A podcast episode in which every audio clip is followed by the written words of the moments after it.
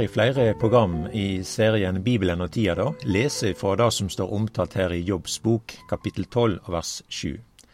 Og vi leser dette her med å spørre fuglene, spørre dyra, spørre jorda og spørre fiskene i havet. Og det gjør vi òg i dag, og så tar vi dette på alvor, dette med å spørre dyra. Så leser vi da herifra Jobbs bok. Bare spør dyra, de skal lære deg. Spør fuglene under himmelen, de skal seie deg da eller tal til jorda hun skal lære deg, og fiskane i havet skal fortelje deg det. Kven skjøner ikkje av alt dette, at det er Herrens hand som har skapt det? Det er Han som har i si hand kvar levende sjel og ånda i kvar menneskekropp. Og da gjør vi det på denne måten, da, med å spørre dyra, som vi leser her, og de skal lære deg. Og geita hun er jo et dyr som er omtalt mange ganger i Bibelen og i flere anledninger, og det er Bibelen som er kjelda. Det er denne boka som gir de sanne og rette opplysninger. Og når Gud gir da ei pakt med Abraham angående landløftet og Israel og det jødiske folket, så var det da blant annet ei geit som vart brukt. Og det som, eh, Vi har jo et uttrykk òg med tanke på dette med syndebukken. Og det er jo eh, i den anledningen med geita i Bibelen og det som har med soningsdagen i Israel. Og på den dagen så står presten der med to geiter. Den ene geita hun skal slaktast og leies på brennofferalteret, og blodet skal takast inn i heilagdommen. Og det betyr, og det som skjer med dette her da, det har med folkets synder å gjøre. Den andre bukken skal da presten legge hendene på, og da er da å synliggjøre da at geitebukken bærer bort folket sine synder. For denne bukken her, den var sendt ut i øydemarka. Og soningsdagen, det har da med soning å gjøre, og òg dette at synda er teken bort. Og her er det da geita som er sentral i det som skjer. Så det som vi da ser her, da, er at geita hun er veldig tett på det som har med evangeliet å gjøre. Vi kan òg lese her ifra Tredje Mosebok, kapittel fire og vers 27 her, da. Og da står det omtalt på denne måten at dersom det er noen av folket som har vannvare synder mot ett av båda for Herren, og gjør noe som han ikke har lov til, og, og slik fører skyld over seg, og den synda han har gjort, så vært kjent for han, da skal han ofre for den synda han har gjort, og eh, føre fram ei geit, ei ho, et hodyr, Eh, uten lyte.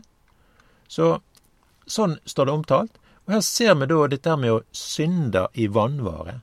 Og det har å gjøre med det at når jeg synder og ikke veit om at jeg gjør det, det kan være med ord, eller det kan være med handling, og så blir det galt overfor andre mennesker, eh, og for Gud, og for meg sjøl. Og det som vi deler da her med hverandre, det er forbildet på Jesus. Vi lest da at vi skal spørre dyra, og de skal lære deg. Og så ser vi da når det gjelder geiter her, da. Og hva er det for lærdommer dette har? Hvorfor blir det gjort på denne måten i de ulike anledninger som vi her har nevnt for hverandre, da? Og geita, hun kan fortelle at her er det forbilde på Jesus, og da så har vi hans frelse. Og når det gjelder soning og dette, det har med Jesus å gjøre. Han er verdens frelser. Og han gjorde soning eh, for ja, alle våre synder. Altså, det, det, er Jesu blod som gjelder. Det er ingen annen frelsesvei. Og da å gå utenom det som Jesus har gjort, det vil si det samme som å gå fortapt. Gud regner med Jesus, og da må vi som mennesker òg gjøre det. Jesus er den som har tatt bort synder med sitt offer, og når det gjelder de synder som er gjort i vanvare, de synder som vi ikke veit om, ja, altså Guds frelse den er komplett. Den ivaretar ei evig og fullkommen frelse. Så vi kan si det på denne måten at Gud har tenkt på alt når det gjelder frelsen. Og så ser vi da geita og det offeret som måtte bringes fram med tanke på synder som ble gjort i vanvare. Vel, dette er forbildet på Jesus og den komplette frelse. Vi ser at geitebukken den møter vi òg i andre anledninger i Bibelen.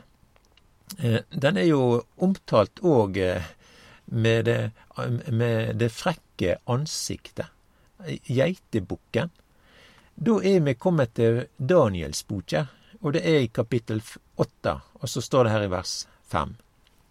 Medan eg så på dette, sjå, Da kom det en geitebukk ifra vest.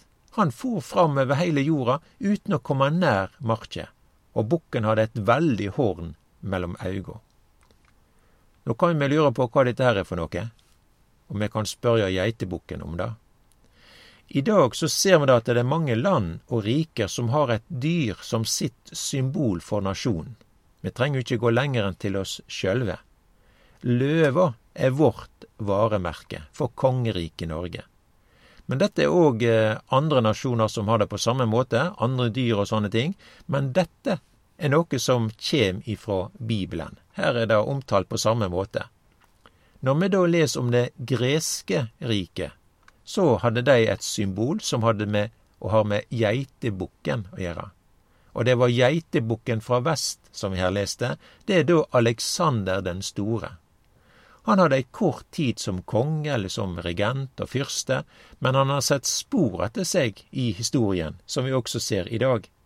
Han hadde stor kraft, og han hadde stor hurtighet. Og det er denne hurtigheten som er årsaken til at geitebukken, han fer fram over hele jorda uten å komme nær marka. Men det står mer om denne geitebukken her, jo, Daniel. Vi kan lese i kapittel åtte, og så vers åtte. Geitebukken vart overmåte mektig, men nett som han hadde nådd full styrke, vart det store hornet bråte av, og i staden vokste fram fire horn, store å sjå til, og de vende, eh, de vende mot de fire himmelhjørna. Så her forteller Bibelen om disse her ulike verdensrikene, og det har sammenheng med det babylonske riket, det persiske riket, greske og det romerske riket. Så her står da omtalt da denne geitebukken. Det er da det greske riket. Og i starten på dette riket så er det da Aleksander den store. Og her, det er han som er da dette her det ene hornet på geitebukken.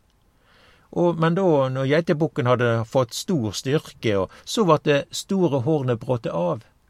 Og Aleksander den store, han var eh, 30 år cirka da, når han døde. Og etter dette her så ble det greske riket det var delt i fire deler. Og Derfor leser vi da her i Bibelen om altså det som vi her deler med hverandre. Det er jo sagt mange hundre år før det skjer.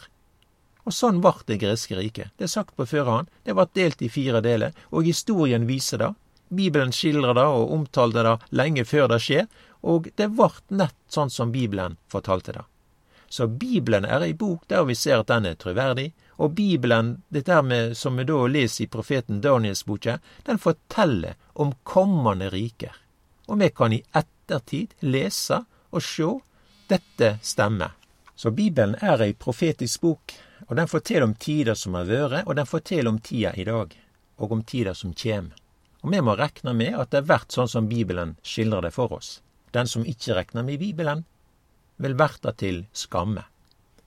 Når vi da leser om geitebukken og dette med det store hornet, så er det et bilde på Aleksander den store.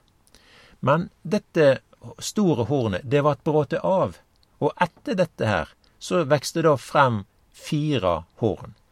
Og eh, da forteller det nett eh, sånn som det òg ser at det ble i historien. Altså det greske riket det ble delt, da, og det ble fordelt på fire slike regenter eller fyrster og de vender seg mot alle fire himmelretningene.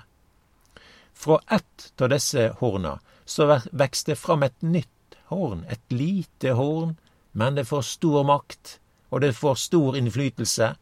Og alt dette her, det er å lese om denne geitebukken med de mange horn, og dette her som er da omtalt her i Daniel kapittel 8, blant annet. Vi kan lese her i vers 9.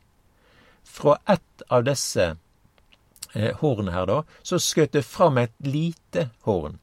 Det vokste seg uhorvelig stort mot sør, mot aust og mot det fagre landet.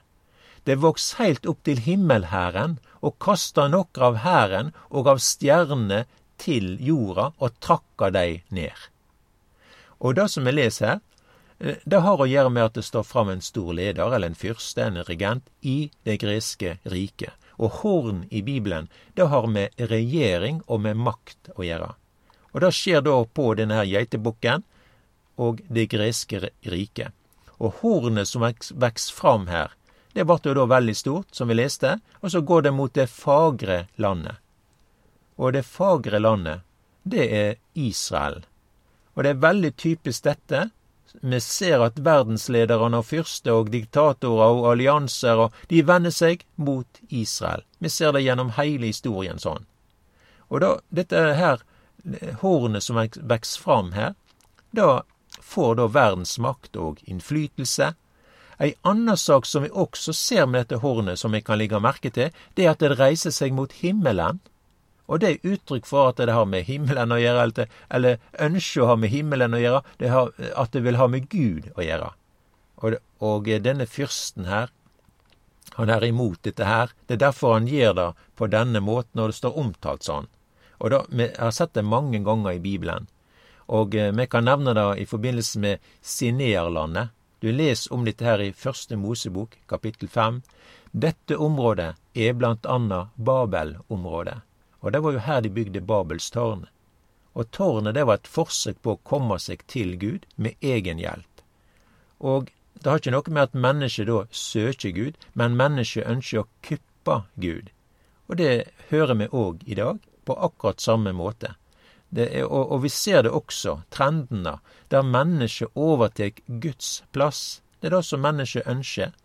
Og eh, vi ser det annet på den måten at mennesket skal bestemme over liv og død. Vi ser det også i forhold til ordninger i samfunnet, med skole og heimer. Dette med mann og kvinner, samlivsform og ekteskap, hva disse tingene her skal være. Og så ser vi da at mennesket de vil kvitte kvitter seg med det som har med Gud å gjøre. Hans ord, hans ordninger. Ja, det er mennesket som vil være guder. Mennesket vil ta Guds plass. Det samme leser vi òg om Satan i profeten Jesajas boke, kapittel 14 der, også vers 3. Det var du som sa i ditt hjerte, til himmelen vil jeg stige opp, høgt over Guds stjerner, vil jeg reise mi truna. Jeg tek sete på tingfjellet lengst i nord. Og denne da som sa i sitt hjerte, det er den falne stjerna, dette er en engel, den falne engel, her er det en som har tenkt seg å ta Guds plass, og det er djevelen. Og vi kan nevne òg da at de tanker som vi her nevner og hører, det er òg sagt i Edens hage. Dette med å ete av frukta, ja, da vil en verta som Gud, eller verta lik Gud. Og grunnen til at mennesker og nasjoner og riker er så opptatt med Israel og Jerusalem og det jødiske folket, det har egentlig med Gud å gjøre. For Israel er veldig synlig eh, angående det som har med Bibelens profetier. Det går jo i oppfyllelse. Men det er mange her som reiser seg, og så prøver en å ta dette bort. Eh, mange tenker at Israel at det er politikk og det er samfunnet osv., men det har i mye større grad med Bibelen og det profetiske ordet å gjøre. Det er bakgrunnen, det er årsaken. Og sjøl om hele samfunnet og djevelen og diktatorer og de mange som roper boikott, og vi ser antisemittismen, så vil likevel Gud føre sin sak fram til seier. Og dette hornet her, på denne geitebukken som vokser fram, og som reiste seg mot himmelen, og da òg gikk mot det fagre landet, det er da denne Antiokius Epifanes. Han gikk mot eh, Israel, og han gikk mot Jerusalem. Han vanhelga tempelet. Han gjorde tempeltjenester eh, om til ritualer og seremonier som hadde med guden Sevs å gjøre. Vel, denne geitebukken den møter vi att i forskjellige omtaler i Bibelen. Og den er brukt da som symbolet for det greske riket. da. Her er det ulike regenter for dette imperium. Og det er ikke noe mye at vi ser att av dette greske riket. Det er på en måte noe som er forsvunnet vekk. Det er i hvert fall ikke lenger noe rike. Men det som vi ser i dag, det er at eh, Israel er der. Og Jerusalem er der òg. Israels Gud er på truna, og han styrer historiens gang. Og de planer Gud har, ja, de leser vi i Bibelen og gjør oss kjent med det, og det er ikke tanker til ulykke, men framtid og håp. Og det salige håpet er at Jesus kommer snart igjen.